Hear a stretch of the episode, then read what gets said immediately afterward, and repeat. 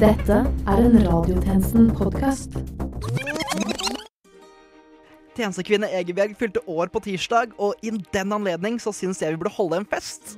Jeg, jeg tenker at Et budsjett på 80 kroner det burde holde til en kake. Så hvis dere gir meg 20 kroner hver, så skal vi være i mål. Kjempebra inn, tjenestemann Holbæk. Noe litt annet enn de trakasseringsmannene dine. Vær så god. Herlig. Eh, Vi trenger jo fort en hatt og sånn også, da. Og, og noe musikk. En gave hadde kanskje ikke vært for dumt heller. Eh, jo da, det stemmer kanskje. Bra. Da øker vi budsjettet til 400 kroner. Hei, dere. Hei, tjenestekvinne Egeberg. Du, I anledning bursdagen din så har vi valgt å holde en fest, og da tenker jeg at det er mer enn rimelig at du chipper inn med et par hundringser eller noe. Ja, ja, selvfølgelig. Det er jo bare kos, det. Supert. Da ligger budsjettet nå på ca. 1100 kroner. Det er vel ikke for ille? Jo da, men så trenger vi vel en klovn her, da. Da hopper vi opp til 1400. Um, Og noen cubanske sigarer, det må vi ha. Eh, Vi sier 1800 kroner. Erlend, nå tror jeg Og, og, og så hva om vi får besøk av Astrid? Astrid S, liksom? Ja, ja, ja, det blir bra. Og pitbull. Kidsa elsker jo pitbull. Et badekar med russisk fløte har alltid vært en personlig drøm for meg. Det, jeg tenker at kanskje Emilie deler den. Ja, så må vi ha 33 000 til burgere. Eh, og jeg, no, noen tusenlapper til å smøre frimurerne. Ja! Hvorfor skal vi smøre frimurerne? Eh, Det er lett å bli solbrent om sommeren. Men Det er vinter. Ja, men innen byggearbeiderne er ferdig med Emilies bursdagspalass, så kommer det sikkert til å være mm, mai? August? Jeg vet ikke. 2020 er foreløpig dato, og innen den tida er det ikke umulig å se for seg at noen medlemmer av Frimurlosjen kan ha blitt solbrent. Jeg er redd for å spørre, men eh, hva ligger vi på nå? Det blir en ehm, 2,32 milliarder, det. Skulle du sett. Budsjettet løper visst fort fra deg. Ja, ja, ja, sånn kan det gå. Men, men det viktigste er at det blir en storslått bursdag. Klokken er 12.00, og du lytter til Radiotjenesten.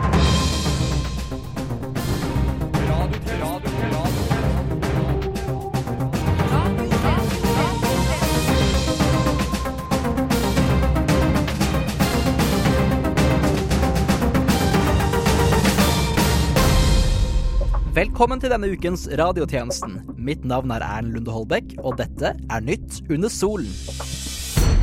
En familie på Oslo vest ble nylig dømt i tingretten til å klippe hekken.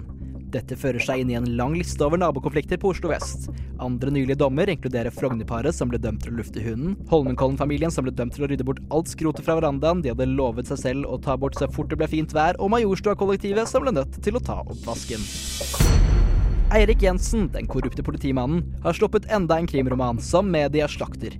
VG triller en toer og skriver kryptisk 'Pent vær, men tørt gress'. Hanen galer der alt kan gro. Ett svar blir alltid to. Rikdom kan du vinne dersom skatten du kan finne. Og til sist kan vi melde at NRK er i gang med en ny podkast fra teamet bak Purk eller Skurk. Påsketriller eller stemningskiller er et seks episoders dypdykk i Jensens nye krimroman, og hvorvidt den har litterær verdi.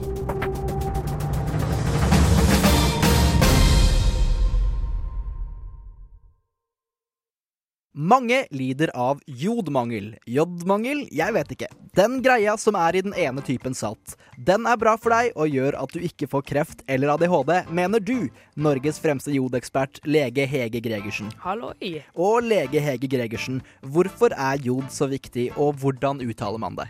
Jo, tjenestemann Holbæk, det uttales JOD, og det var tidligere sett på som en veldig viktig medisin. Så ble noen redde for å overdosere på jod, så vi begynte å putte mindre jod i maten vår. Nå er nordmenn underdosert, så vi må finne en balanse der. Litt jod, ikke altfor masse. Og hva er egentlig jod? Det er det ingen som vet. Ingen? Er ikke du en ekspert på jod?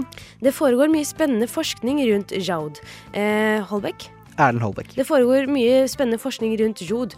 Eh, det har det for så vidt gjort siden 70-tallet. Det største i fjor eh, var forskningen rundt at det kunne finnes jod på månen, men det viste seg å være en feil.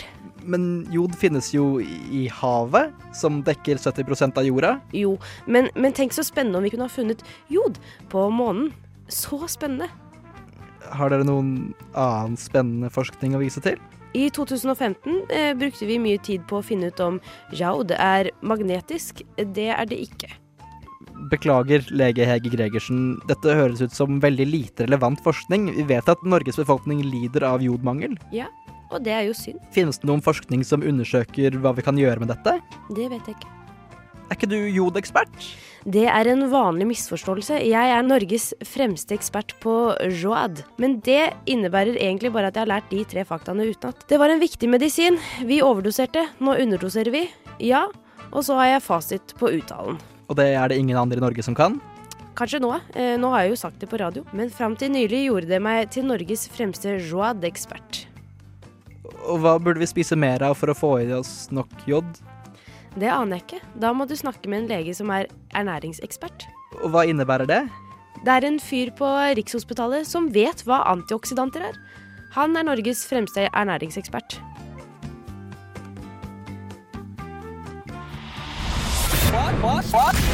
Radionova er best. Alle andre er tapere. Radio Nova. Den siste uken har Norge vært rammet av sibirkulda. Meteorologer sier at det skyldes høytrykk med kald luft som blåser fra Russland. Men tjenestekvinne Egebjerg har noen mistanker om at det ligger andre krefter bak denne kulden enn værgudene, og har i den anledning tatt turen til Nikil, en by i Russland som ligger ved grensa til Norge. Ja, da står jeg her i sentrum av Nikel. Som dere sikkert hører, er det ganske mye støy i bakgrunnen. Det vi hørte i bakgrunnen nå, er store vindmaskiner med kald luft som står rettet mot grensen til Norge. Stemmer mistankene? Blåser Russland med vilje kald luft over til Norge? Kun et par vindmaskiner her i Nikel er ikke nok til å støtte denne påstanden. Jeg må forhøre meg litt. Eh, excuse me, I am, uh, I am reporter from Norway. Uh, what are these uh, wind machines doing here? Um, I can't really talk about it. But I know there are some in every city by the border to Europe. Shh! Somebody's coming. We never spoke about this. that. also, since we are already speaking, did you know that the Norway beer is actually really expensive? Actually, I need to get going. Someone is trying Have you tried snus? It's tobacco, but you put it under your upper lip like this. It's illegal to sell it here, but I have brought it from Norway. You need to get away from here. You remember the song What Does the Fox Say? It is Norwegian! Most foreigners don't know this, but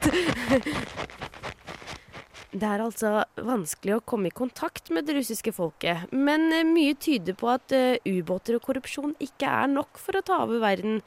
De må tydeligvis manipulere været også. Ny person. Eh, Hei, hei, Sorry, can I interview you? Uh, yes.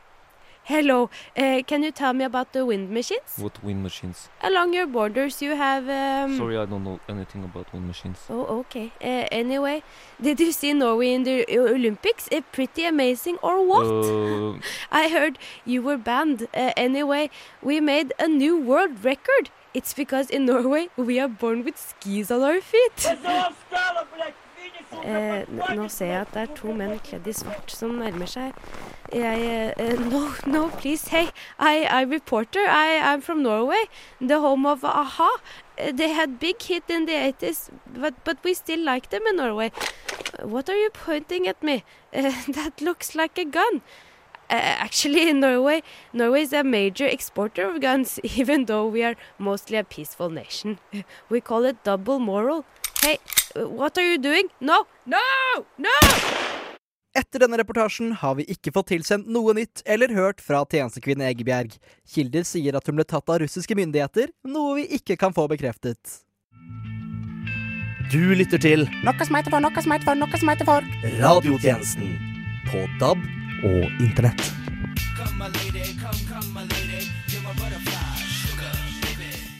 For fire uker siden ble den beryktede torpedoen Jan Erik Jannik Iversen varetektsfengslet for trusler mot den søkkrike forretningsmannen Kjell Inge Røkke. I dag ble han løslatt uten noen redegjørelse fra politiet sin side. Vi i radiotjenesten lurer hva skjedde? Har Jannik blitt utsatt for en konspirasjon? Er saken henlagt på bevisets stilling? Vi sendte tjenestemann Svartberg til politistasjonen på Grønland med en rekke spørsmål, og fikk til slutt tak i en, skal vi si, frittalende politimann med navn Puck Jensen. Og Puck, forklar oss hva som skjedde. nei, dette var ikke en grei situasjon i det hele tatt. Nei, det må jo være en utrolig krevende sak for Kjell Inge Røkke. Jannik har ikke lett, nei. Uff, stakkars gutt. Mener du at Jannik har blitt siktet på feil grunnlag? Nei, han er skyldig som faen, han. Eh, Hadde dere ikke nok bevis til å sikte han? da? Jo, jo, fullt av beviser her. Så hvorfor slapp dere han ut? Han må jo være en fare for samfunnet, og ikke minst forretningsmannen Kjell Inge Røkke. Jannik fortsetter oppdraget sitt, han. Håper nesten han lykkes seg. Hva mener du nå? Nei, i avhør med Jannik kom det jo raskt frem at Røkke er en kynisk og grisk jævel av uante dimensjoner. Han skylder faktisk Jannik en haug med spenn. Er det Kjell Inge Røkke som har gjort noe kriminelt i denne saken? Sånn juridisk? Nei, på ingen måte. Men det får være grenser for frekkhet. Unnskyld meg, men uh, må ikke du og resten av politiet forholde dere til Norges lover? Siden når måtte vi det? Den 90 år gamle svenske nazisten Vera Oredsson er idømt en bot på 4000 kroner etter å ha gjort en såkalt Hitler-hilsen under en demonstrasjon i Bolenge 1. mai 2016. Oredsson deltok aktivt på demonstrasjonen her på torget i Bolenge, men nekter selv for at hun ga den såkalte Hitler-hilsenen. jeg jag viftade presis til en flikkvenn. Hun sto der. Dette er ikke ulovlig. Og så har jeg ikke avtagit med noen gruppe av människor. Du hilste til en venninne, Ja, samtidig som ti andre hilste til samme venninne i samme retning. Hun er en populær flikkvenn. Vi er mange som tykker om henne. Men det er dokumentert at du tidligere har drevet aktiv opplæring i Hitlerhilsen? Jeg vokste opp i Tysklands krig og har derfor en enestående kulturell forståelse at mange av de yngre nazistene savner. Jeg vil lære bort en del av det gode nazismen har gitt meg. Ja, for du er nazist. Självklart. Du er medlem av den nordiske motstandsfronten. Jeg er. Du elsker Adolf Hitler. Absolutt. Du har deltatt i en demonstrasjon mot innvandring, integrering og utvasking av den ariske rase. Jeg har gjort det og jeg kommer til å gjøre det igen. Men du kjenner deg ikke igjen i dommen hets mot en folkegruppe. Nei, ikke alls.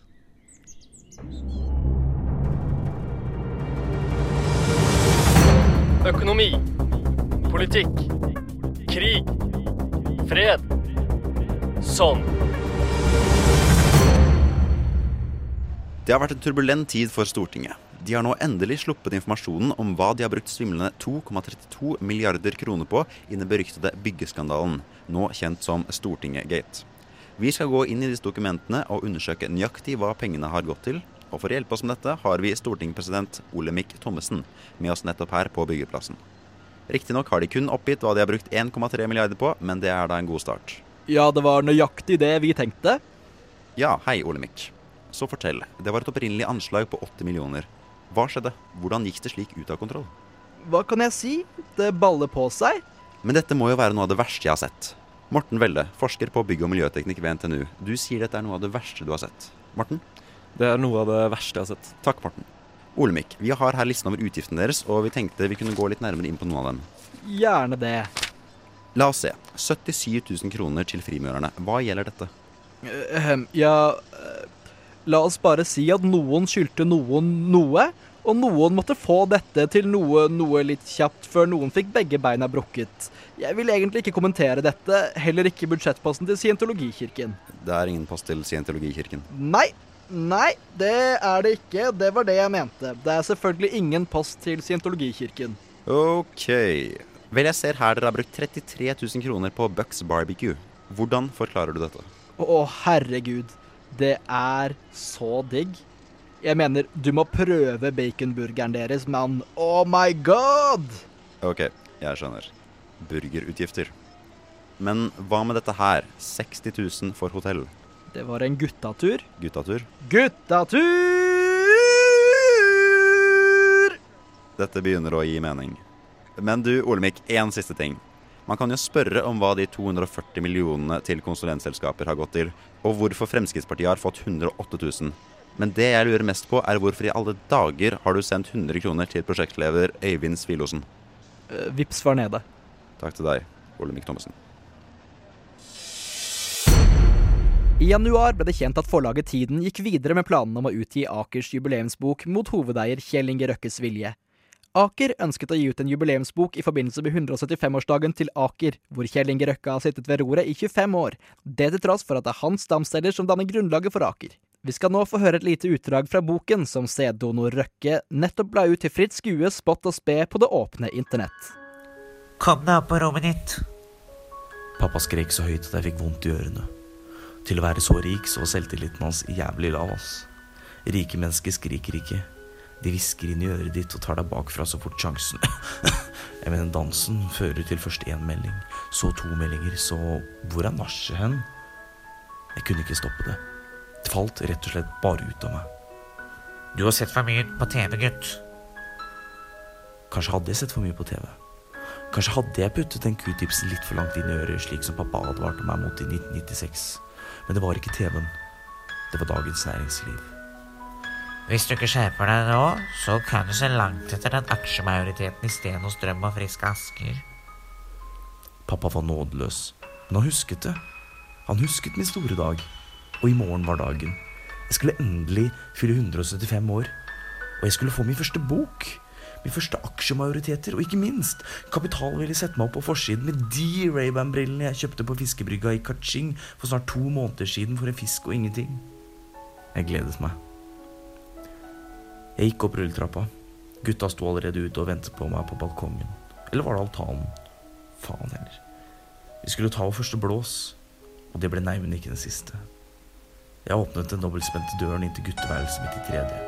Gjennom tåkelagte vinduer skimte jeg så vidt tre skikkelser. De står og tripper med armene foldet foran brystkassa. Jeg småløper bort til verandaen. Nei, nei, jeg mener altanen. Nei, nei, jeg mener døra, og åpner den for dem. Bøtta, hinken og bølla stormer inn og ødelegger de persiske teppene jeg fikk søsteren min til å strikke til meg den gangen Nintendo 64-eren krasjet en gang i Syden. Er du klar? spurte bøtta. Ja, er du klar? svarte jeg. Lighteren ligger allerede i baklomma. Jeg fylte opp med gass forrige uke bare for å være sikker på at ingenting skulle gå galt. Nå skjer det, tenkte jeg. Nå skal jeg endelig få oppleve alt det som alle de andre 175-åringene har snakket om så lenge. Du ser litt gusten ut, Aker, sa Hinken. Jeg dret i fyren.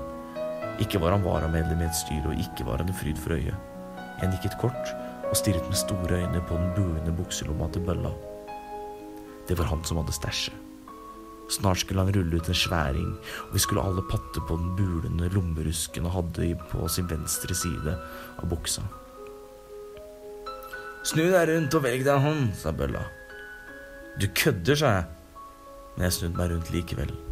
Håpefull som en tenåring som skulle følge moren til en i klassen hjem fordi hun hadde brukket en negl og glemt pin-koden til elskerens Mastercard Express-visa. Men så jeg hørte et lite svakt klikk. Jeg fikk lyst til å snu meg rundt, så jeg snudde meg rundt.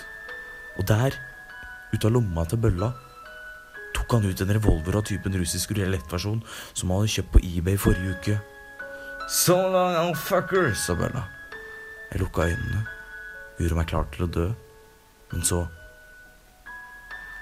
Så åpnet jeg øynene igjen. Og fy faen, så lyst det var. Hvor var jeg? Hvor er jeg? Og det hele viste seg å bare være en drøm. Radio Nova går i lufta! Nyhetssyklusen blir stadig kortere, og i et forsøk på å ligge ett hestehode foran konkurransen, har radiotjenesten lansert spalten Neste ukes nyheter. Tjenestekvinne Egebjerg har mer om dette. Velkommen til neste ukes nyheter.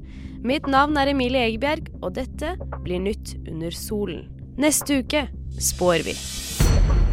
Byggesprekken til Stortinget ligger nå på 4,2 milliarder etter at Olemic Thommessen finner ut at nybygget fortsatt mangler både stein og glasshus. Ulf Leirstein sender IS-videoer på faks til Norges Speiderforbund. Rent teknisk innebærer dette at videoen sendes bilde for bilde til faksmaskinen, og speiderne må selv bla gjennom utskriftene 25 ganger i sekundet for å følge handlingen. Det blir kjent at Siv Jensen har manipulert flere dokumenter, deriblant hennes egen fødselsattest, CV-en hun søkte på Stortinget med, og diplomet som utroper henne til verdens beste tante. De hittil uhørte stemmene i metoo-debatten står opp for seg. Nå er det de lættis gutta på jobben som stolt erklærer at dette er jo bare lol. Hashtag metoo-la bare. Og til sist nok en skoleskyting i USA. Mange barn dør. Ingenting morsomt med det.